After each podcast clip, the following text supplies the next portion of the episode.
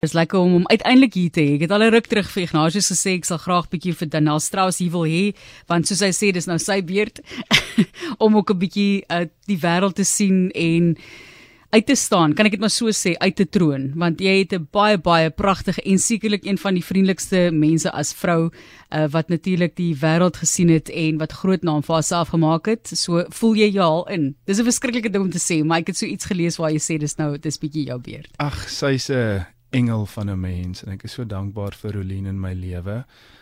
Ek dink waar dit maar gegaan het is ons is in die publieke oog as gevolg van haar publieke profiel en ek was maar onder dieselfde vergrootglas gewees of ek nou wou of nie. Ja. En ons het die gesprek gehad en ek het gesê wel as ek nou al die kon sê negatiewe aspekte van die publieke wêreld het, dan kan ek dit seker maar net sowel ten goeie ook gebruik want ons het op 'n stadium met ons gekom soos enige Suid-Afrikaner maar en ons moes besluit gaan ons in Suid-Afrika bly of gaan ons oorsee gaan werk en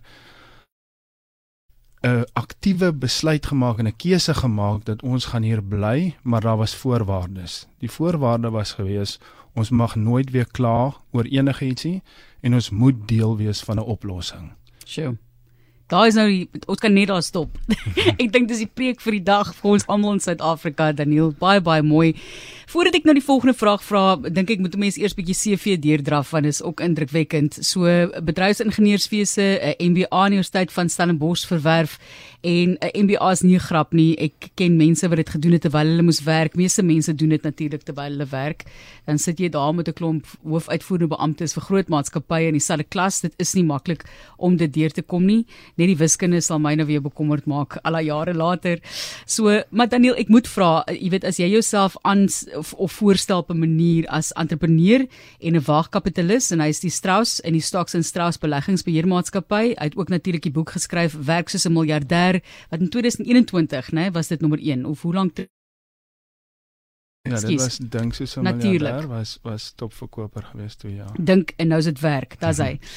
en dan moet ek net vra waagkapitalis en ek ek speel regtig nou duiwels advokaat hier soos ek vir jou gesê het, is dit verantwoordelik om daai tipe van term te gebruik in die wisselende markte alhoewel die markte is ewig wisselend. So jy weet elke dekade het sy eie krisisse, maar wat dink jy self van daardie term? Of is dit 'n term wat jy gebruik want dit is tog wat jy doen en dis 'n term wat mense dalk opgewonde maak, is 'n opwindende manier om te kyk na geld. Ag in Engels is dit venture capital. Nou as jy kyk in Amerika is dit die industrie wat die meeste ekonomiese groei teweeggebring het van enige ander industrie. So as ons kyk na Suid-Afrika byvoorbeeld, wat is ons grootste probleem? Is werkloosheid. Nou 60% van alle werksgeleenthede word verskaf in Suid-Afrika deur klein en medium besighede.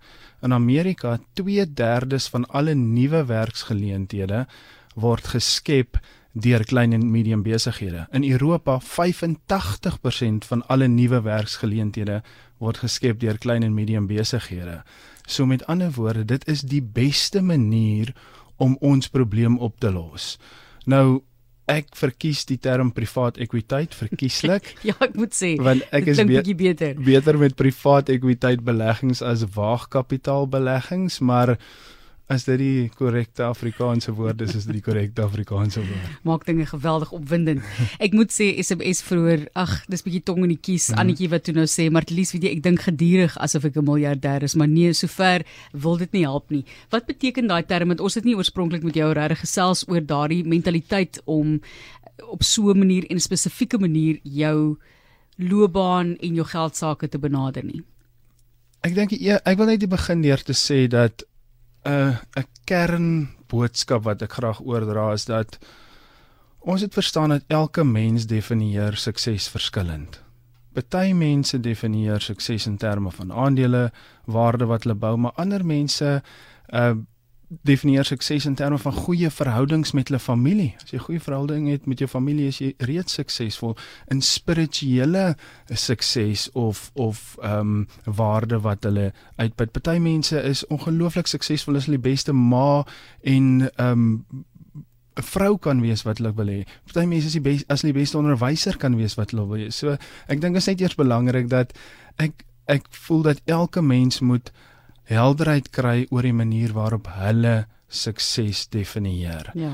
Nou dink bo die lyn in hierdie terme is 'n baie goed gedefinieerde lyn in terme van die maatskappywet met aandeelhouers en direkteure bo die lyn en werknemers en bestuurders onder die lyn.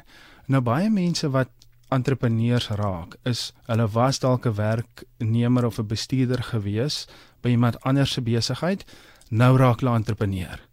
Nou hou hulle aan om te dink soos 'n werknemer en 'n bestuurder, maar hulle moet begin dink soos 'n aandeelhouer en 'n direkteur anders gaan hulle hulle self frustreer en ook hulle waarskynlikheid vir sukses vir van hulle besigheid kniehalter. Ja. Nou hoekom moet sê ons jy moet so dink? Want aandeelhouers en direkteure het sekere regte in terme van die maatskappywet om om 'n uh, kapitaal in te samel wat werknemers en bestuurders nie het nie. So bo die lyn is enigiets moontlik, onder die lyn is net die begroting moontlik. Goed, mooi gestel. Maar jy het nou jouself in 'n in 'n hoek wil ek eintlik van opleiding en opvoeding vasgepraat want nou moet jy vir ons sê hoe dink daai uitvoerende hoofde en hoe moet jy eintlik dink as entrepreneur? So want dit is 'n dit is 'n skuif wat jy moet maak in jou kop. Ons is gewoond aan die konsep van jy begin by 'n besigheid, werk en jy werk jouself dalk op op 'n manier, maar jy tree ook af in daai besigheid. Ek dink baie mense glo dit is hoe die lewe moet werk. Partykeer moet jy 'n entrepreneur word sonder dat jy dit noodwendig gekies het, jy verloor jou werk of hoe dit ook al sê. So hoe dink 'n entrepreneur? So sê as effektief drie vlakke waarop hulle kan dink. Die eerste vlak dink jy korttermyn. Jy dink aan ehm um, omset ten alle koste. So jy moet net 'n inkomste probeer kry en jy dink aan jou produk en jou diens. Nou dis baie belangrik aan die begin, maar dan beweeg jy aan en jy begin dink medium termyn. Jy begin dink aan herhalende inkomste en jy begin dink aan die sisteme wat jy in plek moet hê om hierdie uh, maatskappy te groei. Maar dan bo die lyn dink ons in terme van hoe word aandeelhouers waarde geskep. Nou wat is 'n aandeel eintlik? 'n Aandeel is eintlik maar net 'n stukkie papier wat 'n verteenwoordiging is van al die produkte, dienste en sisteme onder die lyn.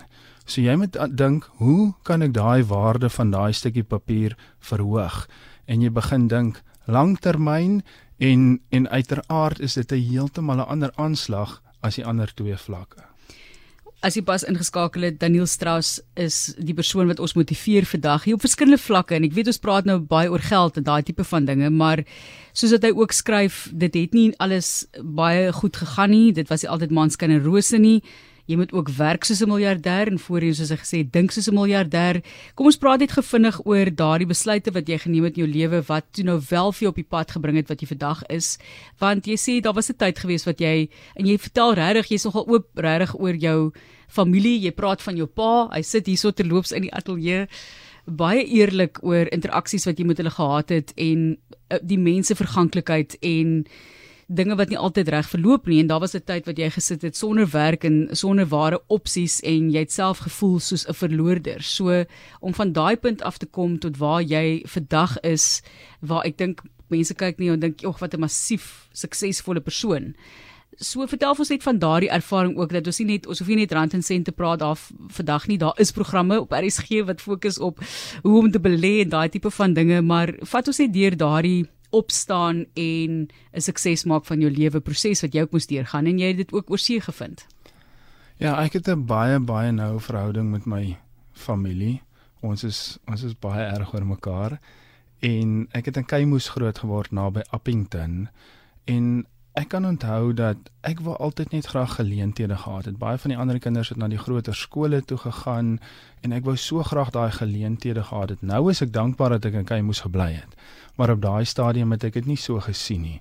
In 'n klein dorpie leer jy hoe om mense op so 'n manier te hanteer dat jy hulle môre weer in die oë kan kyk. So jy daai tyd gevoel dit het jou teruggehou en nou besef jy later in jou lewe dit was eintlik voordelig ja, om in so 'n dorp groot te raak. Definitief. Hallo Kaimus. Hallo Kaimus. En toe het ek op 'n stadium ek het mos 'n bedryfsingenieurs gehad so dat ek MBA nadat ek klaar al my MBA vakke voltooi het. Toe is dit nou net mooi 2008. Dis oh, daai tyd wat almal ja. afleggings maak en daar is net die werksgeleenthede en hier sit ek bedryfsingenieur MBA afwakke klaar gedoen. Ek kan nie werk kry nie.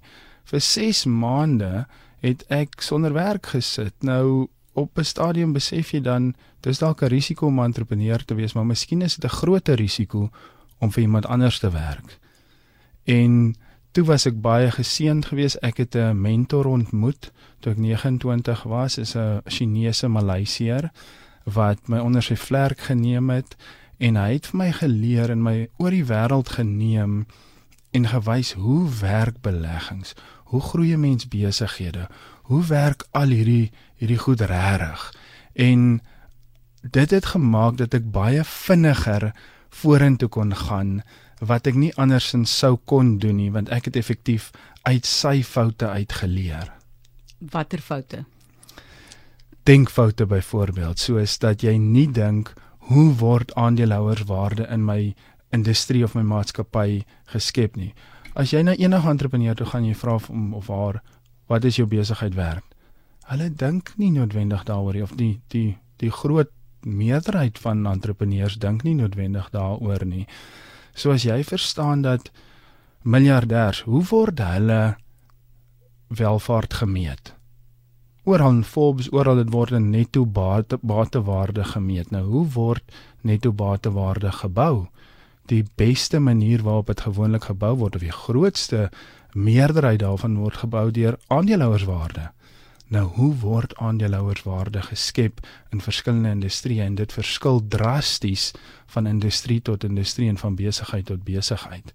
En ons moet daai helderheid kry as ons wil vin vinniger vorentoe gaan. Ek wil daar's nou baie detail, ek wil nie die mense Natuurlijk, verveel nie. Nee. Ons het ook net soveel tyd. So, ja. maar dit dit is baie interessant dat jy oor see was en dat jy op so 'n manier hierdie soos jy ook na die persoon verwys, superguru uh of jy het verwys in die boek na Superguru as hele af uh, hoofstuk wat jy uh, daaraan toestaan en die feit dat iemand so invloed gehad het op jou en jy wil dieselfde nou eintlik soos jy vroeër gesê het vir ander mense in Suid-Afrika doen. Daar is ook as mense nou kyk na die lewe Daniel, jy bly daar om die draai van my uh, van ons in Waldewie wel ek mag ek dit maar sê ekskuus. Ek ons het al uitgesaai van daar af so Rolien almal weet nee, daarvan en ek het jou suster ook dokter Divya Strauss daar so ontmoet. Sy was ook op ons program gewees om bietjie te gesels oor die werk wat hulle daar doen.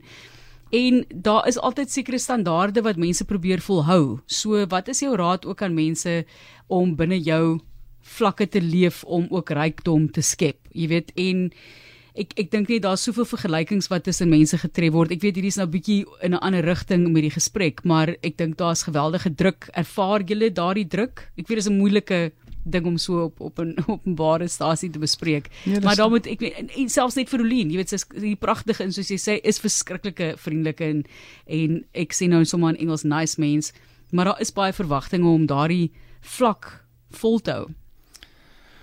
Ek dink dis soos 'n spier wat 'n mens kan oefen. Op 'n stadium besluit jy net, weet jy wat, ek gaan my lewe lewe soos wat ek dit graag wil doen en iemand gaan maar altyd kritiseer, maar hulle sê mos moenie ehm um, kritiek aanvaar van iemand by wie jy nie advies sou gevra het nie. So 'n mens kom maar op daai punt waar jy kan jy sê dit gou weer want ek dink ons moet dit almal onthou. Moenie kritiek aanvaar van iemand vir wie jy nie advies sou vra nie. OK, ek gaan dit neerskryf. So, dis my nuwe dis my nuwe lewenslese. So ons dink nie regtig aan wat ander mense van ons sê of sê nie. Ons probeer die beste doen wat ons kan doen. Maar ek bedoel as maar mense wat altyd sekere 'n probleem sal hê met wat jy doen. Hy het nou met sy sakevennote in meer as 70 private maatskappye belê en daai waarde het binne 24 maande van 26 miljoen rand tot 1,2 miljard rand gegroei en ek wens ons het meer tyd gehad om eintlik hierso regtig te begin om vir entrepreneurs meer raad te gee, maar weer eens tyd Daniel soos jy natuurlik weet. Daniel Strauss is die skrywer van Dink soos 'n miljardêr en nou werk soos 'n miljardêr en help vir ons van werknemer tot entrepreneur en ek dink dit is 'n baie groot kopskuif vir mense om te maak. Dankie dat jy vir mense probeer help daarmee en dankie aan Kaimus wat hierdie ordentlike kind gestuur het van daar. En uh, ook vir Olien baie dankie. Ons het al 'n paar keer met haar ook gesels. Baie sterkte met die toekoms. Daar's baie werk wat voor lê in hierdie land en dankie dat jy besluit het om te bly. Ek dink dis seker maar die die groot ding wat 'n mens kan sê. Baie dankie, dis 'n voorreg.